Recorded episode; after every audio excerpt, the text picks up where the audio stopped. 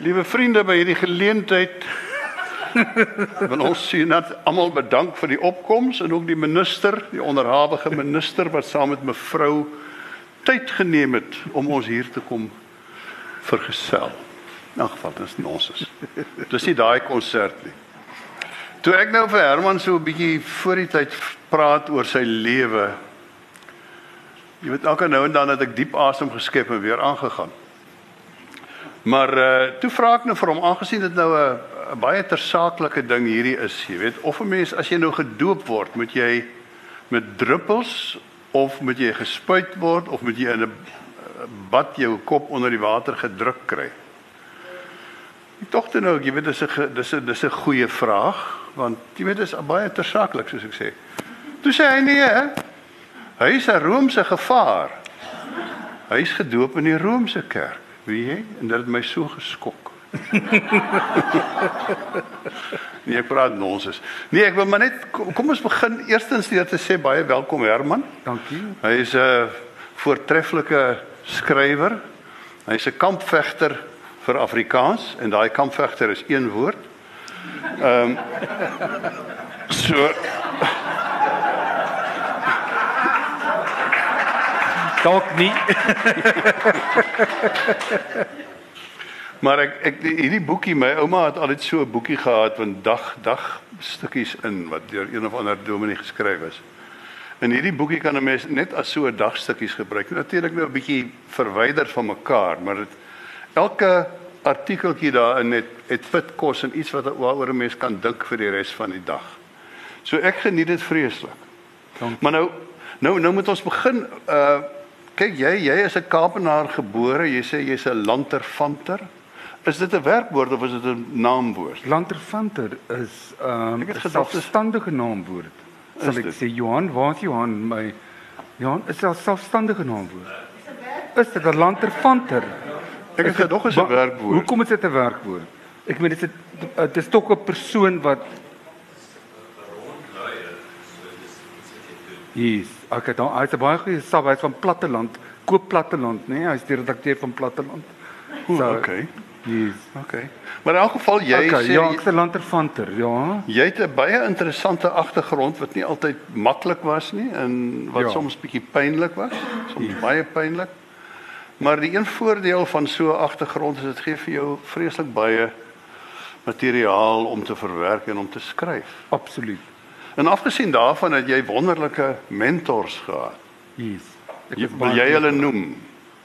Ja, ek is baie gelukkig. Ehm um, ek kan maar voordat ek begin wil ek net sê ek is baie bly dat Marita van 'n vyfer hier is vanaand. Dank dankie Marita. Waar is jy? Ons was saam by die da,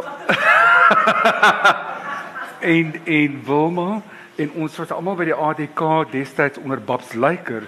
Nou Babs Lyker is 'n naam wat ek nie genoeg noem nie want Babs Lyker het 'n groot invloed op my lewe gehad. So okay, ek was um vervreem van my ouers um toe ek jonger was. Um en toe ek ouer word het nou het ek vrede gemaak met hulle en hulle probleme. Um en ek het teruggekyk op my lewe en besef wie die rol van my ouers oorgeneem het in 'n baie belangrike stadium van my lewe was Babs Lyker, Sheila Cousins, Ina Rousseau, Baren Turin het 'n goeie het 'n vaderlike figuur gespeel en Casper Schmidt wat totaal van sy kop af was en wonderlik uh, in 'n crazy way um by wie ek gewoon het in New York vir 'n jaar in 1986 and which was a mind blow completely. Um so okay, uh, ek het al gereeld gepraat oor my vriendskap met met hierdie digters, maar dit is dalk belangrik om nou hier ook daaroor te praat met Sheila en ek bevriend geraak omdat ek vir haar 'n fan letter geskryf het. Um ek was in standaard 9 op Jan van Riebeeck 16 jaar oud of standaard 8. Ek het haar gedig gelees, um Klein dorp se fragment. Um is al my paadjies toegegroei sy het teruggegaan Piketberg toe na die plek waar sy groot geword het op 'n stadium in haar lewe en die paadjies wat hulle gehardloop het as kinders het toegegroei en dit het toe uh, vir my ehm um, omdat ek baie nostalgies is en soort van ehm um, tranerig en daai tipe van ding. Ek hou daarvan. Ek hou van humor ook. En ek het die gedig tot my gespreek en ek het vir 'n fan letter geskryf en waar gesê ek is mal oor die gedig. Ek ken jou nie van 'n kant af nie. Um en dit spreek tot my. En 3 weke later by die skool um roep die skool vir my oor hierdie interkom en ek is baie in die moeilikheid geweest. En hy sê Herman later gaan kom na die kantoor. En ek gaan en hy sit die telefoon so en ek vat dit en sy sê hallo dis Sheila Cousins hier. Nou moet jy weet ek was 'n groepie geweest. Ek was was my soos 'n rockstar, okay? Um en ek het amper in een gestort. Ek het dink fok, ek kan nie glo hierdie vrou bel my nie. Is dit regtig sy?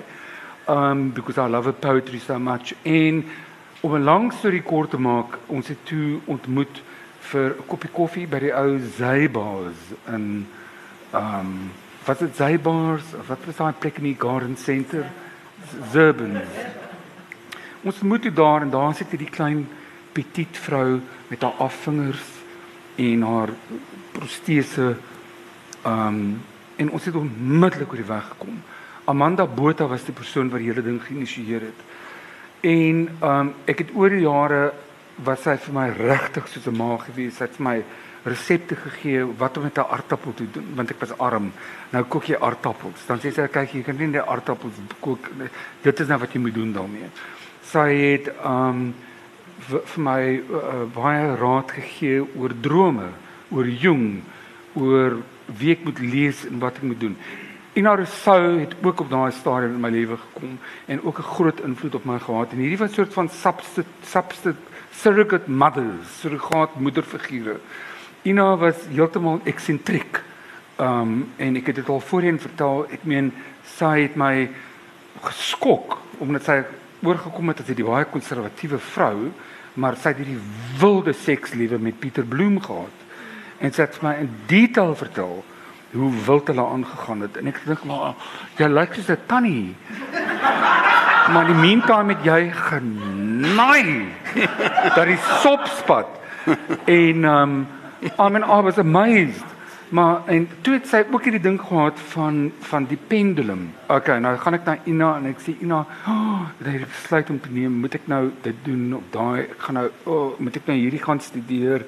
Wat dan sê sy die pendulum dan vat sy die um, 'n muntstuk en sy sit 'n draadjie en dan swaai die pendulum dan sê is my naam Herman dan gaan hy ja. Is my naam Koos dan gaan hy nee. Dan moet jy net vir die pendulum vra wat die wat jy nou moet doen. Moet ek terugtrek seepunt toe? Ja sê die ding. Kan jy dit glo? Dit was daar en hierdie is nou 'n hoogs uh, groot letterkundige. As ek ek, ek sit daar en ek dink if people can see how crazy this woman is, they won't actually believe that she can write this poetry. Maar sy het um sy het hierdie bizarre vriendskap gehad met hierdie met hierdie kunstenaar um wat in Seepunt gewoon het. Hy het hy het sulke wonderlike kuns gedoen oor jong um vissermanne. Sy naam sal na my toe kom dit is um in any case hy was 'n famous kunstenaar hy's nou dood maar hulle het vir 30 jaar net op die telefoon gepraat okay ja. en hy het sy het hom nooit gesien nie hulle hulle wou nie met mekaar oor direk praat nie toe het sy um vir my 'n uh, digbundel van van haar gegee en ek moes dit toe nou na hom toe neem en in Seepunt in het hy gewoon en um En toe het hy net vir my 'n skildery gegee en ek het hierdie wonderlike inligting uit hierdie man gekry en ek is nou woedend dat ek net sy naam kan onthou nie. Um en okay, so dit was nou Ina. Ina was bizar op 'n sekere level met 'n wilde sekslewe. Um Sheila het nooit oor haar verhouding met NP van Wyk Lou gepraat nie. Um vir een of ander rede, maar ons het oor ander goed gepraat en dan was daar Babs wat vir my by week uh, op die ouderdom van 7 reeds gegaan het vir 'n lisp want ek was 'n klein moffie gewees. Jy was moffie by dit. En toe is dit jou foon wat Ek hoop jy dis ek my nie. God. Vat dit vat daai ding nou en tel hom op. Dalk is dit Babs lyker wat uit die graf uitdaal.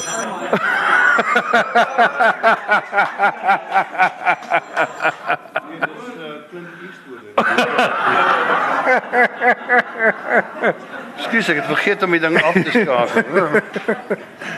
My naam is Modder. Sorry.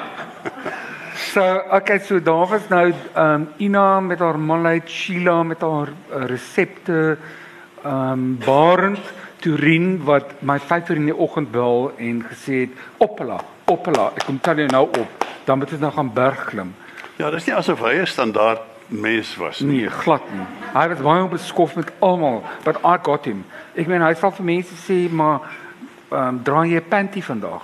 Hy sal vir 'n man sê, "Man, uh, jou jou asem stink." Whatever. Hy was baie beskof geweest, but I got him. I got him. Um okay. Ja, ek het hom nogal kwasterig gevind. Ja, yes. nou Babs was ehm um, iets wat getrek meeste van die tyd. Sy het gehou van haar drankie en dit is hoekom ek van haar gehou het. En hoe meer sy gedrink het, hoe interessanter het sy geword en sentimenteel. Is dit so, so almal se probleem? en toe ek na Babs lekker toe gaan op my lisp um op 7, het sy vir my op die ouderdom van 7 aan Leonard Cohen voorgestel.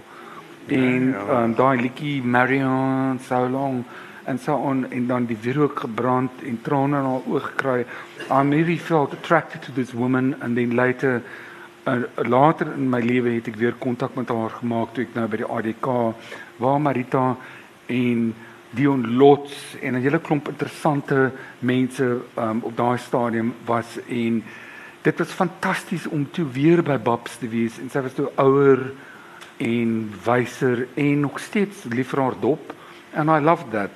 Um en sy het vir my geleer oor die ritme van Afrikaans en die pragtige musikaliteit in die taal. Hmm. So byvoorbeeld dis hier wat ons twee skei, jy hart en ek.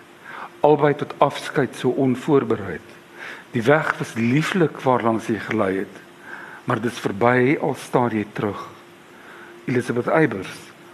Nou ek meen daar is soveel musiek ja in daardie woorde. Okay.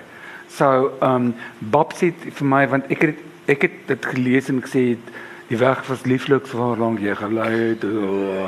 Sy het gesê nee my kind, nee, jy heeltemal voel voel voel die woorde, voel die woorde en laat dit insink.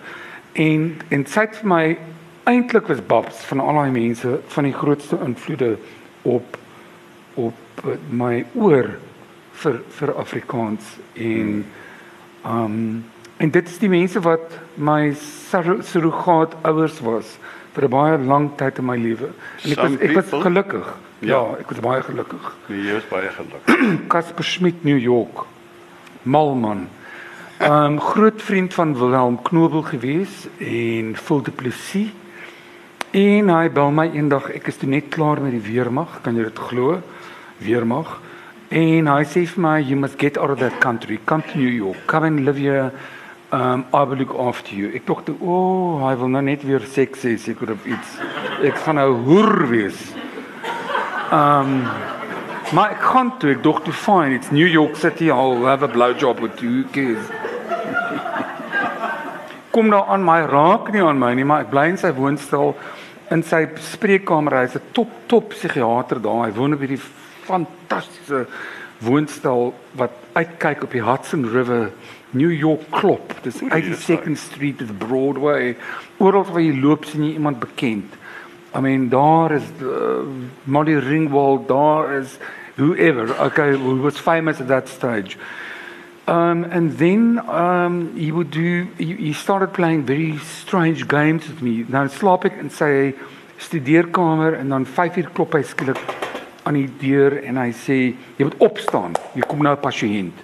Dan dink ek maar my God, jy het nie vir my daarvan vertel nie. Dis nou 5:00 in die oggend, buite sneeu, dit is pikdonker. Waarom waarom waarheen moet ek nou gaan? So dan moet ek nou die hele dag in New York rondloop wat fantasties was natuurlik. Ek meen ek, ek het baie geleer en wilde seks gehad. Let me admit that. Um and it was wonderful in a in a strange, of so cosmopolities. Um En toe het hy die deur begin sluit in die aand as ek terugkom, dan sluit hy die deur en kry ek dit oopmaak nie. Ek sluit en dan sê hy vir my ek het 'n unconscious um thing fear that he wants to reject me. Toe het hy 'n mind games met my begin speel. Um Hy was onder andere die man wat knoffel teen die mure gevryf het van Willem Knobel se um woonstel sodat toe Willem by die huis kom uh, by die in in Bloemfontein by die universiteit in uh, by sy flat toe raak hy die knoffel en toe dog hy maar hy word mal. Um hy het vreemde goed sulke goed aangevang. Um en toe het hy vir my toe ek besluit okay ek moet uittrek en ek trek toe uit en ek ek kry toe my eie plek in New York en hy het um hy was groot in die AIDS denial ding. Hy was soort van want hy hy self was HIV positive. En toe het, toe ek saam met hom gegaan op al die praatjies reg oor Amerika oor how AIDS is actually a psychosomatic illness because gay people feel ashamed and it doesn't exist and so forth and so forth. En ek het toe dan gesit en gedink, my Here, kan dit kan hierdie man is heeltemal van sy kop af. En hy het groot partytjies gehou Vrydag aande dan het daar nou mense by sy woonstel opgedaag en um, Flora Rita Schreiber skrywer van die boek Sibyl sy was daar gewees in haar limousine haar pelsjas so um hoekom ek nou eintlik hierdie lang storie vertel is dat ek was blootgestel aan baie interessant interessante eksentrieke um kreatiewe mal mense in my jeug en I do not regret it for one moment. Nee nee. I don't. Ons het almal mal mense in ons lewe nodig. Exactly. En ek het jou ontmoet toe ek 20 was. Ek is ook mal. So ek is nou 54. So hoeveel fucking jaar is dit nou terug? Um en, en 20. ons het Ek was 20 gewees en ek was by die SAIK besig met 'n radiodrama en toe Jans Leef my aan jou voorgestel. O ja. En toe het ons nou daar bevriend geraak en ek sal nooit onthou hoe jy op jou 50ste verjaarsdag wat nog bloedjonk is gesit en huil het in Marias in Groenpunt en Het ek dit gedoen? Yes. Jy het gesê, "O, oh, my lewe is oor op 50." I won't forget it. En dit sal in my memoir wees. Dis alright, maar as jy my bless afneem aan dagvaar. Ai, eerlikheid ja. So Ja, dit is lank gelede. Wanneer was jy in New York? Ag, 86. 86 jaar. Ja, dit dis dit na Rudy skoon gemaak het. Exactly. Yes. Om en by daai tyd. Maar dit ja. is die Ja. tyd van Woody um van van um ag here my uh, Keith Haring. Ja, ja, en- Andy Warhol. Warhol en al daai mense. Ek het ek het hulle so gestalk by kunsuitstallings. Ek het na kunsuitstallings toe gegaan en geweet hulle gaan daar wees en dat ek hulle so agtervolg en en um soort van benei hierdie soort van wild celebrity type of thing you know then in 1986 Ja, dit was seker Ja, ook die begin ja. van daai hele die Kardashians God help. exactly exactly ja ja Ja.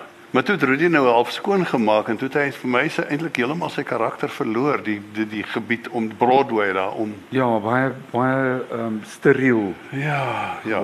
yes yes Ja, wat is is, is dit Nietzsche wat gesê het jy het 'n bietjie malligheid in jou kop nodig Of om course. geboorte te gee aan 'n dansende ster.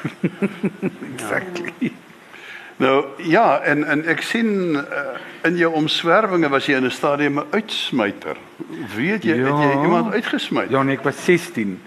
Um my pa op daardie stadium was 'n volslaa alkoholus. Um ek was op Jan van Riebeeck Hoërskool.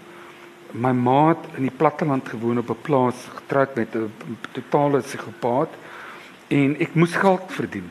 Ek moes geld verdien. En toe het die Inonde Square op Groentemarkplein vir my 'n werk aangebied um om die prostituie uit te hou uit hierdie kroeg. Okay. Daar was hierdie kroeg. Maar wat het toe nou gebeur? Ek het toe nou bevriend geraak met die prostituut. ek wou nou al hulle stories geluister het. Ja. En dit het toe nou nie uitgewerk nie. Toe maar nou gefire en gesê ek moet gaan. Ehm um, want ek was nou maar gro- jy weet ek was groot en sterk en ek het nou gelyk soos 'n bouncer, but it didn't work out. Ek daar was te veel pathos involved vir my. En dat jy het ook 'n sommelier gewees en 'n druiweplikker en Yes. Yes. Ja. Dryweplikker op my stiefpa se plaas. Ja, wynkenner in restaurante waar ek gaan gewerk het met Koos Human en Corneels Breitenberg en al daai mense wat kom lunch het in die laat 80er jare toe die um, uitgewers meld dit hier. Die uitgewers het mense vir lang lunches uitgevat. Ek sal dit nooit vergeet nie dat hulle die skrywers uitgevat en hulle het meerlus Rubicon bestel. OK. Ja. Hulle het gesit Koos Human spesifiek kon sit van 1 uur tot 7 uur en 3 bottels uitdrink en nog keers reg op uitstap na sy motor toe. Totally confined. Ja, daai was die dae van it was there was money, it was Ja. lots of long lunches, goeie kos, Rosenhof upper crust. Nou oor die boek, ek jy weet dit is nou seker 'n 'n 'n vraag wat homself aanmeld.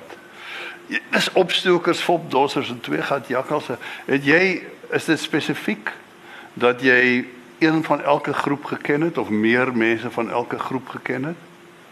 Hoekom hoekom het dit is het dit die titel? Ja, ek sal sê dat ehm um, die woorde het ehm um, is van mense wat wat of groepe met wie ek identifiseer. Ja. Hmm. En en ehm um, die oorspronklike titel sou met my eerste boek Binnekring van Spookasems Ja. gebruik geword het. Ehm um, en en en toe het hulle daarteen besluit en 'n ander titel gekies en toe het ek besluit maar hierdie is nou die regte tyd om om hierdie te gebruik. Twee gat jakkals. Jy weet as jy dit op ehm um, daai Afrikaanse program gebruik waaraan ek dink ehm um, Jana gewerk het. Nee, sy het nie.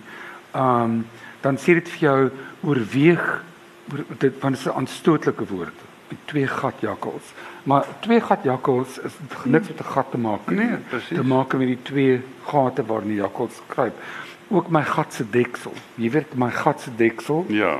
is die gat waarin jy lê as jy dood is en die deksel wat wat daarop sit. Afrikaans kan baie pretensieus wees. En ek het 'n probleem met 'n PC program that tells me I must revise a word because it's offensive. Hmm. Wat is offensive aan gat? Hmm. I don't know wat nou- ek kan dit verstaan nie. Ehm um, dit is wat my 'n gat kramp gee. Partykeer aan Waar Afrikaans. is die gat? Ja, want dit is um, regtig waar wat is wat is nou aanstootlik herweeg, hersien. Hulle sê hersien hierdie woord. Hersien se moer. Hoekom moet ek dit hersien? As ek daai woord wil gebruik, gaan ek mos dan gebruik, behalwe as dit die K-woord is. Maar ek meen, ek is 'n moffie, as ek moffie wil gebruik, kan ek moffie gebruik. Moenie vir my kom sê hersien. Go home and die gently. Fuck off out of my life. Nee, ek het tyd vir kak nie man. Ja. So, ehm um, jy weet in twee gat jakkals uh, het nie is nie 'n aanstootlike woord nie. Ek het nie tyd vir daardie konservatiewe Afrikaanse mentaliteit, naamlik dat jy die taal suiwer moet praat en dat dit 'n 'n manier is om 'n vinger te wys na mense soos 'n dominee God is liefde van die kansel en sê jy moet die taal so praat. Jy know dit jy kan dit praat as jy wil. Afrikaans is 'n prettige taal. Dit is 'n jong taal. Ons het dan gepraat met daai ouetjie daar by oor kan die pad by die uh, die mystiek boer. Um die, die jong mense is, is veel meer bevry van die ou uh, las van Afrikaans, jy weet van o, oh, die pyn gedagte my koek is koud. Jy weet, dit is dit's jy nou alles hulle speel daarmee.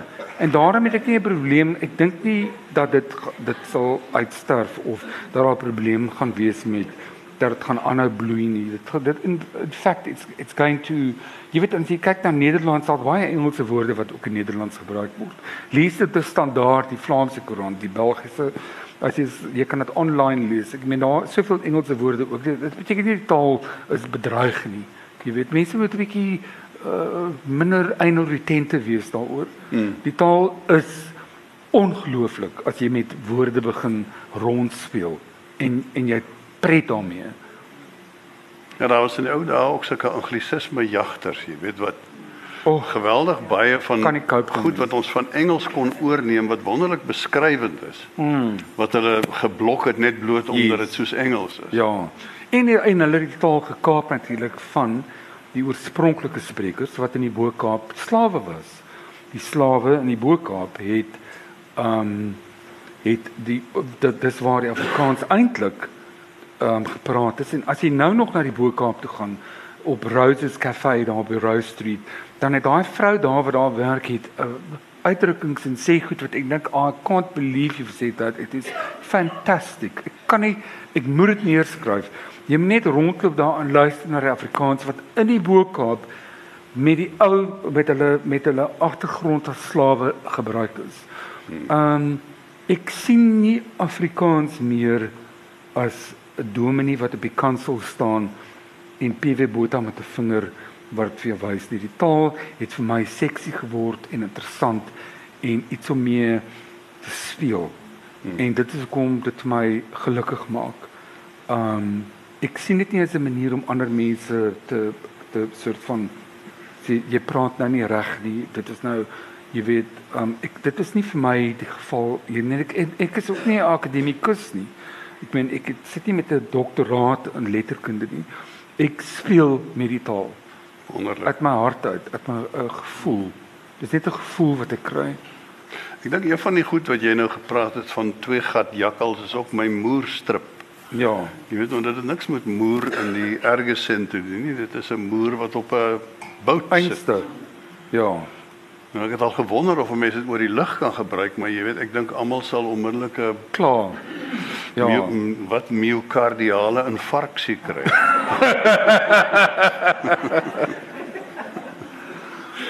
ja, man. Nou maar sê vir my uh met ander woorde, jy dink die uh, Afrikaans is 'n groeiende taal en 'n vormende taal en jy moet al hierdie goed byvat. Ja. Ek skat nie bekommerd daaroor nie. Ja. Ehm um, en ek dink dat dat ons mense Marita van 'n vyfer. Ja. Ek meen hoeveel hoe kry dit reg om al daai aanhoudend produseer sy?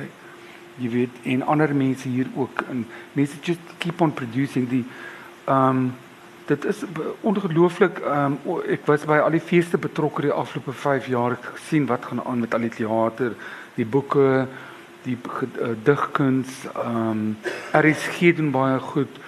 Ehm um, jy weet daar is vir my persoonlik okay, nou praat mense van die hoër funksies. Ehm um, en wat gaan gebeur met die taal? I'm not worried about that really.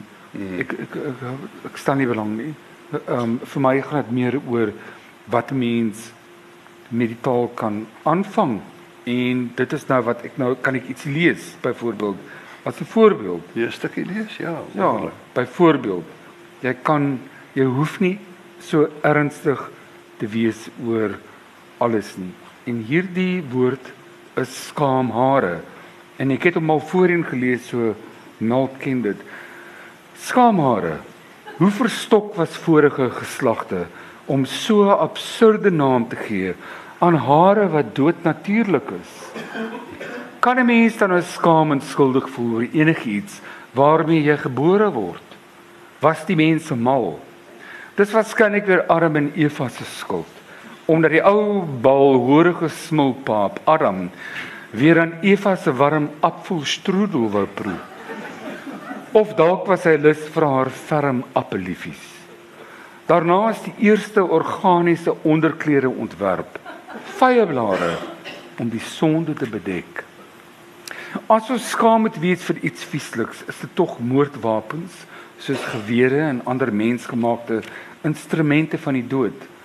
Maar wat lekker is van so 'n argaïese, naïewe en totaal belaglike woord, is dat 'n mens daarmee die verbeelding kan laat gaan en die draak steek, soos hier. Picture the scene. Dit was 'n uitbundige dag vir sy skaamhare toe hy kaal gat op Sandy Bay gaan lê het. Hulle was skoon baldadig omdat hulle jare in hierdie son gesien het nie. Boonop was daar 'n koel briesie van die see se kant af, een wat saggies soos iemand se asem deur sy skaamhare gevroetel het. Ai om 'n jubelende skaamhaar op so 'n mooi dag te wees. Veral as daar 'n donsdosie of twee in hul rigting koekeloer. Die een se vye blaar en die ander se genadelappie was sommer gou-gou eenkant gegooi. En toe met die ritme van sonbesies wat in die agtergrond begin sing, het al wat skaam lip en skaam been is, tesame gejuig en baljaar in die somerson totdat die bal buitermure opgedaag het. o, die sonde. Maar dit is 'n storie vir 'n ander dag. Wonderlik. Dit is natuurlik nie gepubliseer nie, né? Dit is nie gepubliseer nie. Dis nie die koerant wou unfortunately. Ja, so jy praat nou ek, ek het nou die dag interessant ek loop hierso af in die in die gang hier onder by die by die uh, die groot mall. En ek sien daar's guma hare. Koop hulle. Jy jy ken sekerlik die woord. wat is dit? Guma hare. Ken jy dit? Nee, wat is dit? Ek het toe nou stil gaan gaan vra wat op aarde is dit? Guma hare is is candy floss. Dis uh, Nou. spookasem. So ek maar ek sien die die groot woordeboek het dit het dit nou ook ek het dit Guma hare. Ja, guma hare. My fok. Dis candy floss. Ek was versigtig om te vra, jy weet. Ja nee, maar ek ek- Kyk hier man, nou wil net, ek, ek wil net vir julle lees oor die agteruitgang van die algemene Afrikaner wat netwerk 24 lees se se insig in um essays en in ironie en pathos. Daar there's something very wrong. Ek dink dat die mense doen meer begripstoetse nie. Daar's iets verkeerd hier. Um ek gaan julle nou ek probeer net gou oproep hier. Dis nou nie iets wat in die boek is nie. Um en dis 'n rubriek wat ek geskryf het. Um ja, man, ek net gou um ek dan gaan julle nou luister na die kommentaar na die tyd. Ek net 'n um mega sorry ek, ek I'm just trying to find it. Okay. Of here it's coming. Kom kom kom kom kom. Okay. Right. Nou skryf ek hierdie okay. Ek het nogal ehm um, uh aangetrokkenheid tot nostalgie. Ek hou van hartseer goed. Ehm um, want as kind was ek baie hartseer en ek het gelag ook, maar okay. So nou nou sien ek goedjies raak en dan skryf ek daaroor. Nou luister nou teen die einde hiervan na die kommentaar van die mense. Right, dit begin. die kothuis oorkant die straat was vir 'n lank leeg was vir lank leeg en donker. Op 'n dag arriveer 'n groot dreunende vragmotor. Meubels word afgelaai, vensters word oopgeskuif, die sonlig stroom na binne. Die nuwe buurvrou het lang, slanke bene gehad, altyd keurig met haar swart hare wat los oor haar keur oor haar skouers hang. Sy het soos 'n jeugdige Naomi Campbell gelyk. As sy haar rooi rok gedra het, het sy soos 'n vlam die straat afgewapper. Hy was ook jonk, ligbruin hare, gladde vel, soms met baardstopsels. Die gesig van iemand wat nog nie juis deur die lewe geklap is nie.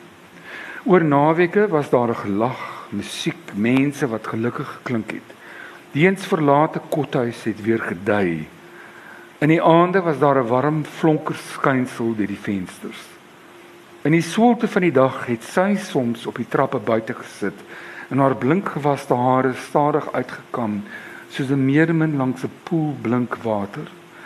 Hul daar was teer sag soos vere. Ek het 'n hond eendag hoor blaf en by die venster uitgekyk. Daar staan die man toe met 'n klein sweterige swart mopshond, een met 'n gekrulde stert. "Habibi, don't bark," het hy liefderyk vir sy hond met 'n Duitse aksent gesê. Hierdie hond is elke dag met 'n nuwe sakdoek om die nek vir 'n uitstappie geneem. Geel, groen, gestreeptes. Verskeie doeke as kleurvolle modebyeenkomste bekomstigheid vir 'n troeteldier met 'n opgevrommelde gesiggie. Op 'n dag is die paartjie saam weg vir die naweek met die hond en sy Winston Churchill gesig knus op die agtersitplek. Hy het net 'n sigaar gekort. Voor hulle vertrek het hy sy selfoonnommer gegee en mooi gevra of ek net ligweg 'n oogie oor die plek kan hou. Later op WhatsApp, as ek deur my nommers afrol, sien ek hy verander sy foto gereeld, altyd met Habibi op sy skoot of sy skouer of langs sy gesig. Die winter het gekom. Reën het lank en hard oor die buurt uitgesak. Fabian, het in die koue op sy eie met die hond uitgegaan. Al het die dag soos 'n rondkoen foto gelyk. Ek het minder van haar begin sien. Eendag het iemand in die donker oggend vir haar kom haal. Die hemelwater het geval. Toe sy in die motor klim, het die kar bly luier vir 'n paar minute. Toe kom sy WhatsApp boodskap: "Het ek 'n skaal?" "Ja, kom haal." By die voordeur het ek vir dit vir hom gegee. Sy gesig was donker misbanke. Ek het gevra waarvoor die skaal is. Hy het my vertel dit was om sy bagasie te weeg omdat hy op pad terug is na München. Hy het skugter gelyk, meer gewond en gesê die verhouding het nie uitgewerk soos beplan nie. En na Bibi ongelukkig moet hy agterbly. Duitsland streng met diere. Toe hy die skaal terugbring, het hy my hand finaal geskit. Daarna het ek haar saans alleen by die venster sien sit, maar nooit weer vir haar Bibi nie. Nou antwoord die mense. Ronald Venter. Onthou dit is nie 'n nuusberig nie, dit is nou 'n essay tipe van 'n sad story, mooi beskryf, sê sy op 'n nugter noot. Daar is wel streng kwarantyne, maar Habibi kon saam met sy baas gegaan het. Wonder wat van die arme dier geword het. Dit het fokol met die storie te maak. Lily Roberts sê seker maar die koste Dis nogal duur. They missed the whole point. The pathos, the essay, the fucking undertones, the layers of other stuff. Nee, nie netwerk 24 se lesers nie. Hulle is nou bekommerd oor die kwarantyne, die fucking geld. Andre Olivier. Mooi maar hartseer storie. Hoopa Bibi is nie uitgesit nie.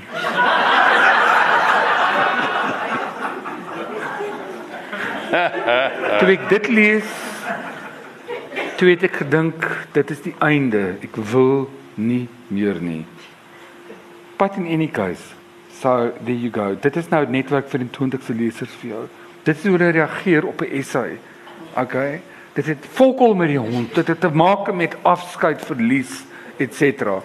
Okay. So nou, wat gaan ons nou doen met die okay? What can I say? Ek weet net veel aangaan. Ja.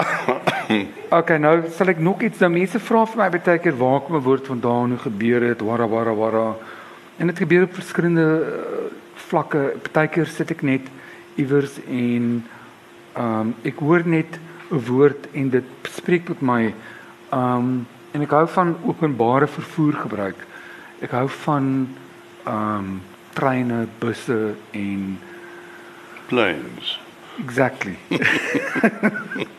toe ek net my vriend gaan kuier in Springfontein en toe het hy my nou in die middernag gevat na die petrolstasie en ek moes na die bus terugvat. Kan ek dit vir julle lees? Ja. Okay. Die askies is die woord. Dis middernag in die Vrystaat en minus 3 grade Celsius. Die nag het 'n stem soos ys wat kraak, 'n koel tong wat jou binne oorlek. Ek wag bibberend op 'n bus by 'n verlate motorhawe langs die N1 diskant Springfontein. Die nagbus ja, want die lewe in hierdie mal land is interessant vir 'n gewone motorrit terug Kaap toe. Vir 'n sekonde voel ek ek staan haweloos in limbo, gestop in die doofpot. Die hele plek is soos 'n stukkie ruimte afval op die punt om deur 'n swart gat ingesluk te word. Die sterre is weg, verdoof deur 'n oordadige neonlig extravaganza wat opskiet in die kaalheid, wit poolligte, dansende aurora polaris, iets met blinkrooi oogies sidder tussen vergeelde bosse. Veraf dreun die waggelende dier. Sy liggies 'n towerkuns vertoning. Die logge beskasie ruk en stamp die engine fluit. Die lugremme skep asem en blaas dan stoom af. Deure gaan oop. Almal slaap. Ons ry deur tonnels van die nag, suis en weg oor die asfalt. Deur landskappe en slapende dorpies met leestrate kronkel ons. Ek beweeg tussen hierdie wêreld en 'n hersenskim waar Klaas Fakie dansend dansend sy slaap so sterre reën kom sprinkel. Met ligdag net buite Touwsrivier hoor ek haar. Die vrou agter my. Sy nies sê dan saggies, "Askies." Sy nies sagter as 'n veldmuis. En elke keer kom hy verleë, "Askies." In 'n Rolanda Maree stem. Met die sonsopkoms daar buite ontvou 'n tafereel van beelde tussendeur die atishoes. Groot bosse geel en rooi blomme flits verby, plaashuise pondokke, maar kinders in kortbroeke. 'n Vrou in 'n pink kamerjas en geel haarkrullers staan op die rand van 'n leidam en waai. Daar's 'n motorongeluk op die Totoiskloof pas. Polisieligte, 'n motor lê in 'n sloot, komberse oor roerlose liggame. Die nisende vrou staan op, sy lyk soos 'n plaasmeisie. Die rouge op haar wange is oranje, haar oë kyk weg. In haar hare dra sy bloeisels. Sy verdwyn agter die toedeur van die toilet en toe sy daar uitkom, is haar gesig gekruis tussen brawe weerloosheid en 'n verskrikte springhaas in kopligte. Die reuk van rooswater hang oor haar. Op haar selfoon hoor ek benoud. Ek weet nie in watter voorstad ons is nie. En toe ons by die depo in die middestad inry, en die deure van die bus oopmaak, het sy soos 'n vlinder opgevlieg en buitentoe gehardloop. 'n Ouer man het na haar toe gekom, haar opgelig, omgeswaai en haar laat rondom Tali draai. Hulle het albei hard gehuil sonder skaamte voor almal. Toe hoor ek haar sê, "Pappa, ek het gedink ek gaan jou nooit weer sien nie." Toe vat hy die punt van sy hemp en droog die trane van haar lemoenkleurige wange af en op die grond het hy van die bloeisels opgetel en weer in haar hare teruggesit. Ja, 'n wonderlike storie. En Bravo. Ja. en dit kom nou net van nou mense vra my waar kry die woorde? Ek het net die woord askies askies gehoor. Askies. En dat dat ja, dan kry ek 'n emosionele soort van interpretasie met die woord en dis nou uh dis eintlik 'n fucking nagmerrie, let me tell you. Want ek meen elke keer as jy gaan sit dan dink jy nou wat se kak gaan ek nou skryf. Dis nog 'n probleem. Ja, en dan ehm um, low self-esteem en al daai goed ook nog. Geen selfvertroue nie en dan dink jy nou vir wie skryf ek dit nou eintlik? Waaroor gaan dit? Dan dink ek maar aan die checkie wat baie min is. Ehm um, wat dan 'n bottel wyn of twee sal koop. Maar eintlik is dit 'n fucking nagmerrie. Dit is 'n nagmerrie. Nee, ek, jy weet dit dis 'n ding wat jy by die by die SAIK ook leer, hierdie meedoenlose elke week. En jy moet 'n ding doen of jy nou lus is en of jy nie lus is nie. Ja. Jy moet hom uitskeur uit jou bos. ja, maar jy weet uh, jy sê jy het nie 'n goeie selfbeeld nie. Nou. Would would you Natuurlik jy 'n goeie. Maar jy weet ek soos ek vanoggend vir jou gesê het, jy weet kreatiwiteit se meeloper is twyfel. Ja, ek hou daarvan wat jy gesê het. Is Is dit reg Marita? Ha? Kry jy Marita, kom aan. Jy kry panic attacks. Ha? Thank you. Ek is bly om dit te hoor. Ja, op die ou end weet jy nie, jy weet Rachmaninov het hierdie vreeslike probleem gehad het. Kyk, hy's jonk uit Rusland uit. En hy het Rusland verskriklik lief gehad en hy het nooit weer teruggegaan nie. Hoekom nie? Dit het nie so gebeur nie. Kyk, hulle was van die van die eh, die geadelfamilie gewees of hulle van die ryk mense gewees en toe die bolsjewiste en bolsjewieke nou oorneem, toe moes hulle pad gee. En toe sê hy ook in 'n stadium, jy weet die die verskriklikste ding van ouer word is die feit dat jy jou selfvertroue verloor en dat jy nie meer weet of wat jy doen enige iets beteken vir Yes. enige iemand nie. Yes. Yes. Maar jy jy weet jy jy hou nou maar aan, you plod on. Mm. So ek dink dis Maar jy het ook iets genoem van dat dit vir jou iets persoonlik moet beteken as jy iets um 'n foto neem byvoorbeeld en dit het net vir jou betekenis dat dit die moeite werd maak dan om ja. om die proses te geniet. Ek ek ek iewers het ek van Wyk Lou gesien, dit gesien en ek soek nog my dis was een van hierdie klein uh, tydskrifte vir letterkunde en ek kan verrigtig nie die ding weer opspoor nie. Dis net een artikel waar hy 'n aanhaling gemaak het wat hy gesê het ek parafraseer nou maar. Hy het gesê die mooiste dinge word in stilte ryp Yes. en is baie nader verwant aan twyfel en pyn as aan bekroning Yes, en I like jubilatum. Jy weet dit is so Fabulous en met daai stem van jou moeder mooi klink dit. Here, hè? Kan jy nou dink? Wie kan dit nou mooier? Ek dink jy moet nou net Jy maak my skaam. Baie dank. Jong, maar uh, hoe laat moet ons klaar wees? Moet ons eendag van der tyd klaar wees? Wel, miskien is er daar 'n paar vrae, moet nou nie skaam wees nie. Dit is persoonlike vrae wees nie. As, Ja, dit kan maar. Ehm um, okay, so uh, dit is nou maar uh hoe kan ek nou hierdie beskryf? Dit is nou 'n versameling essay tipe van ehm um, rubrieke rondom woorde. Hierdie ene is minder autobiografies as my vorige een binnekring van spookasems. Ehm um, en ek probeer nou 'n roman skryf en daarom admireer ek mense wat wragtig kan gaan sit en dit doen. Um dit is 'n long haul. Dit is so nie hol nie, hol. ek It's not a sausage in a hallway. Um dit is soort van 'n lang pad te vat in 'n in 'n trok oor die land en die wiel raak pap en die petrol I don't know ek gaan my naam heel waarskynlik heeltemal gat maak. Mm. But it doesn't matter. It's fine. At least I've I'm going to try to do that.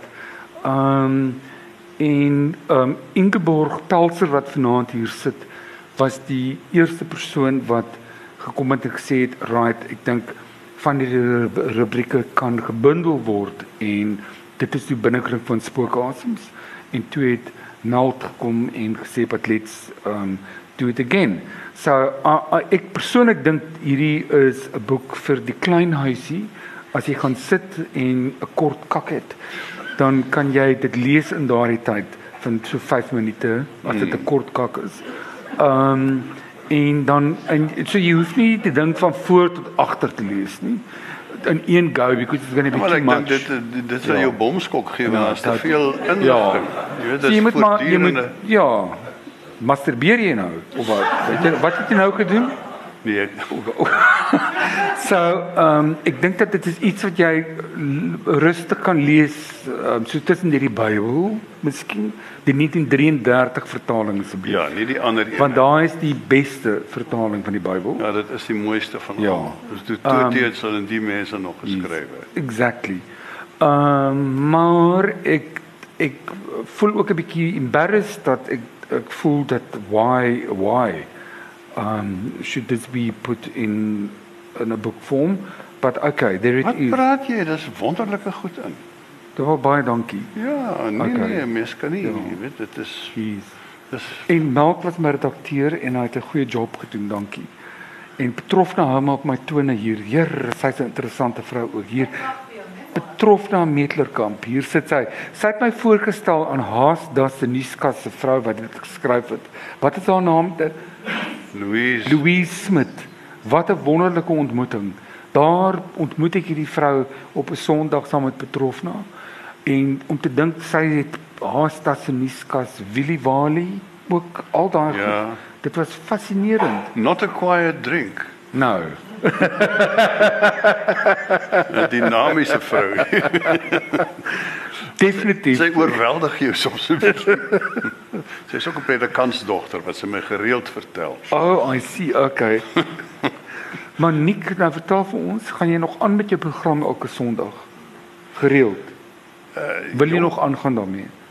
Ja, ek moet eet.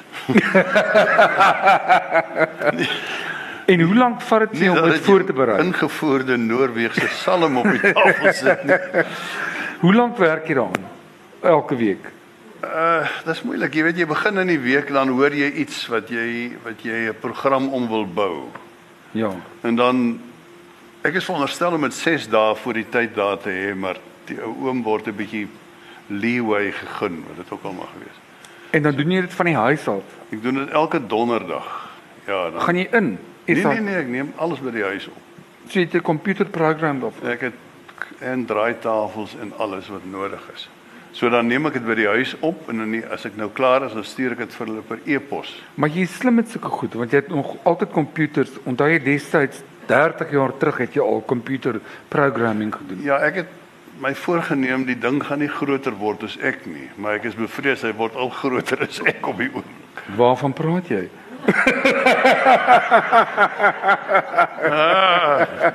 Met Please double entendres.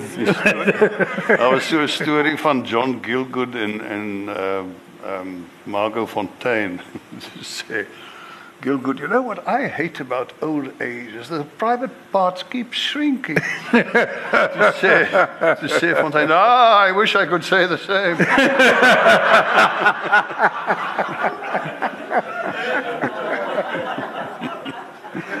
Maar nou, Nick, het jy het jy al daai plate in jou huis? Kyk, ek het baie plate. Ek het Ons alles praat op van vinyls Nee, nee, nee, nee, nee, ek Wat, het dit op, CD's? op rekenaar. o- op die rekenaar. Ja. Oh, Ja, kyk, ek het ek het 11 terabyte van van musiek en goeders. wat is terabyte? Terabyte is moer baie. Jy kry jy kry 'n megabyte wat 1000 is en dan kry jy 'n gigabyte wat 'n Sien, hy ken miljoen alles is. van die komputers af. En dan 'n terabyte is 'n 100 miljoen of 'n 1000 Jo. miljoen, 1000 miljoen. So jy en dan kies jy nou en dan maar kom dit nou jy lê daar in die bed in die nag en dan zoom jy muskiete om jou want in Stellenbosch is daar baie en dan Ja. dink jy okay ek gaan nou hierdie hierdie tema kies. Daai Ek is versigtig vir temas, jy sien, want temas is vir my altyd 'n bietjie asof mense nie verbeelding het nie. Ek gaan maar bloot op die gevoel. Jy moet jy, exactly jy met die- speel, jy weet dit is 'n Ja, met die woorde. Dis 'n klein kreatiewe prosesie wat jy 'n gebouetjie bou. Jy jy Yes, begin met yes. yes. iets vreugdevol, iets tragies. Jy kan ook nie twee soprane na mekaar speel nie of twee baritons of jy weet dit is op die ou en moet hy so half staan. Soms staan hy, soms voel Ja. jy hy staan nie. Yes. Ek bedoel metafories gesproke Of course. maar die ding is nou, ehm um, ek as 'n joernalis nou on, outomaties draai ek na die hele ding om nou. Ja, ek ek Maar ehm um, ek, ek weet van vriende van my by RSG wat baie bitchy SMS'e kry van mense en hulle sê jy moet fokke van die lug af en Leon van Nierop het vir my gesê hy bel hulle sommer en sê luister wat is jou probleem? Wat wat hoekom het jy hierdie SMS aan my gestuur? My vriendin Susan Stein sê ook sy sy bel hulle en sê what's your problem? En dan raak hulle heeltemal paniekbevange. Kry jy sulke negatiewe terugvoer? uh hulle is veronderstel om na elke program vir my die kommentaar te stuur, maar dit gebeur nie. Oh, jy jy kan jy- nou raas soos jy wil, maar Okay. is te veel moeite. Ja. Maar ek het al die die wat hulle vir my gestuur het, het 'n paar al vir my gesê, jy weet, ek moet ek nou alweer na hierdie geskreeëry luister en so. Oh, En dan eh, sien jy nou daai as ek hulle nommer het, dan sê ek normaalweg nee, dit is vir net vir opgevoede luisteraars.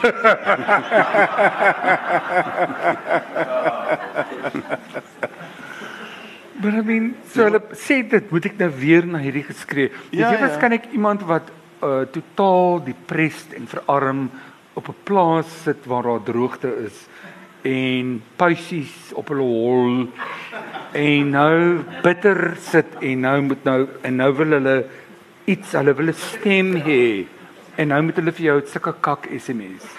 Hæ?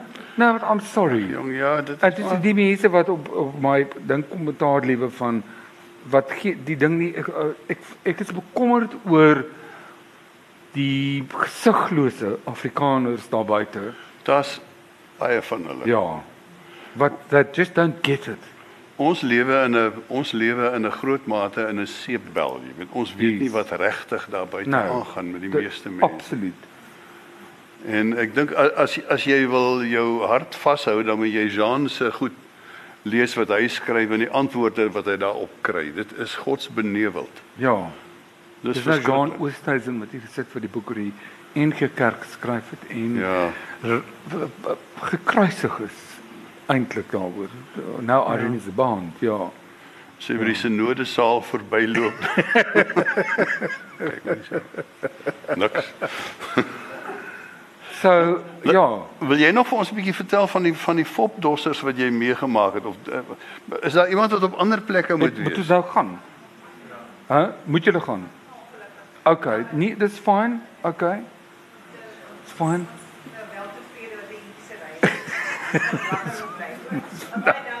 No problem. Right. Is daar dalk iemand wat 'n vraag wil vra?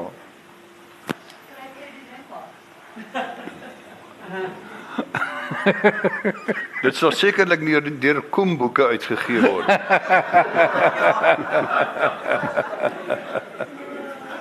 Ja, ek, ek het ehm um, ek uh, miskien ja. ja. Dis 'n ja. Ehm um, foptossers, jy praat van foptossers. Okay. Ja, ja. My ma was bevriend met sy was 'n ongelooflike oopkop vrou ehm um, in die 70er en 60er jare wat 'n uh, baie vriendekring gehad het in Seepunt en in Kloofstraat. Um en sy was bevind met bruin vroue en um wat she was far ahead of her time. I mean, we used to go and visit people in the Boerkaap en in district 6 en so aan. En sy het gehou van die manier waarop hulle Afrikaans praat. Sy was baie aangetrokke tot bruin mense. Um en ek voel partykeer ook ek is eintlik meer bruin as wit, but okay. So, um en en daai tipe van Afrikaans het vir haar geïnteresseer en ek het met haar as kind gegaan en gereeld gaan kuier daar en dan het sy ook 'n klomp moffie vriende gehad en foptossers Jy het nie vir Cupie meegemaak nie. Cupie nee ongelukkig nie Cupie is bietjie voor daai Ek weet van Cupie, ja. Maar sy het 'n vriend gehad met naam van Lady Peterson wat um eintlik 'n boeremoffie van die Vrystaat was en met 'n vreeslike grand aksent gepraat het.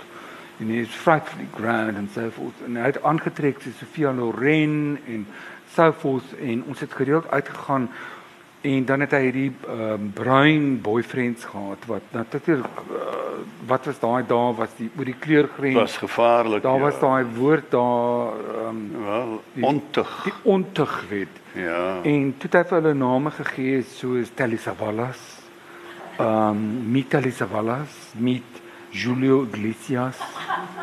Ehm um, en ek ek het in feite oor hom geskryf hier en dit is die tipe van kinderlewe waarin ek blootgestel is deur hierdie mal wonderlike vrou. Ehm um, en ek sal graag wil lees oor hom actually if you don't mind. Can I? Ehm um, In die 70er jare in Seepunt, die tyd van lawe lampe, kaasfondues, donkerbruin Volvo's en Vicky Leandros se When Bazookies Play.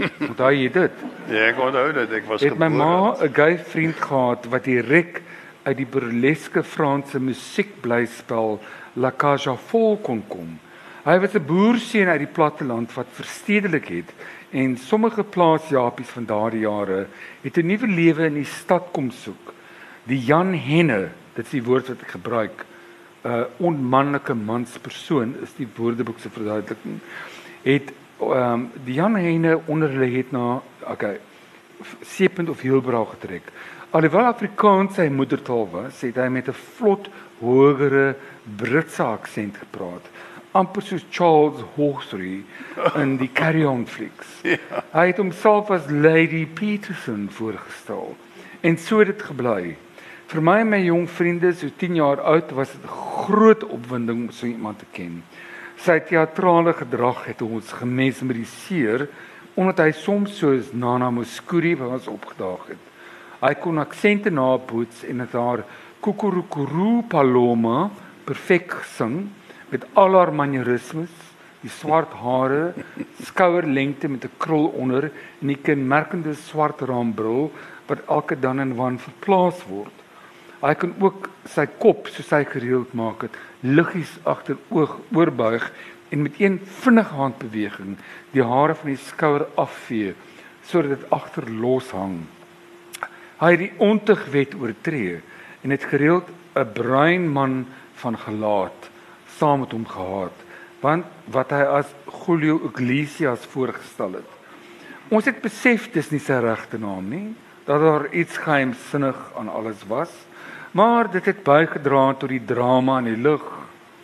Julio was ook musikaal en het gitaar getokkel terwyl hy in Lady Peterson Spanish Eyes gesing het. Tussen die gesing het hulle Kapenheimer Perlay gedrink. Daar die Kapenheimer. Paul Pelay. Ooh, dit Kapenheimer Perlay en Paul Perlay. is 'n droewige ding. Lady Peterson het gereeld droef geraak en het 'n paar kere einde aan alles probeer maak. Alhoewel Witmans nie sy voorkeur was nie, was hy tog lief vir een, Dr. Chris Barnard. Die het ons uitgevind. Het baie gaan uithang by die La Perla restaurant net oorkant die swembad. Ons moes gereeld daar gaan loer in die hoop om hom en Barbara of dalk Gina Lolo Brigida daar te sien. Wraggies. Eendag toe ons buite sit in die groot mense aan Martini skemerkelkies met groen olywe teug, stap hy daarin. Ek onthou dit soos gister. Lady Peterson het daardie someraand aanvallig gelyk. So Sofia Loren in 'n geblomde kaftan tot by die enkels, groot rooi sonhoed en bypassende sandale, ook met 'n blompotief. Julio was weg. Die nuwe minnaar se naam was Telesa Wallis. Toe dokter Barnard verbyloop, het hy vir 'n wyle by ons tafel gaan stil staan. Sy kop vir Lady Peterson geknik en toe aangeloop. Dit was meer as genoeg. Want van daardie dag af het Lady Peterson nooit weer neerslagtig geraak oor enigiets nie. Die hartdokter het sy hart vir ewig reggemaak. Op jou Lady Peterson ook saliger. Wonderlik.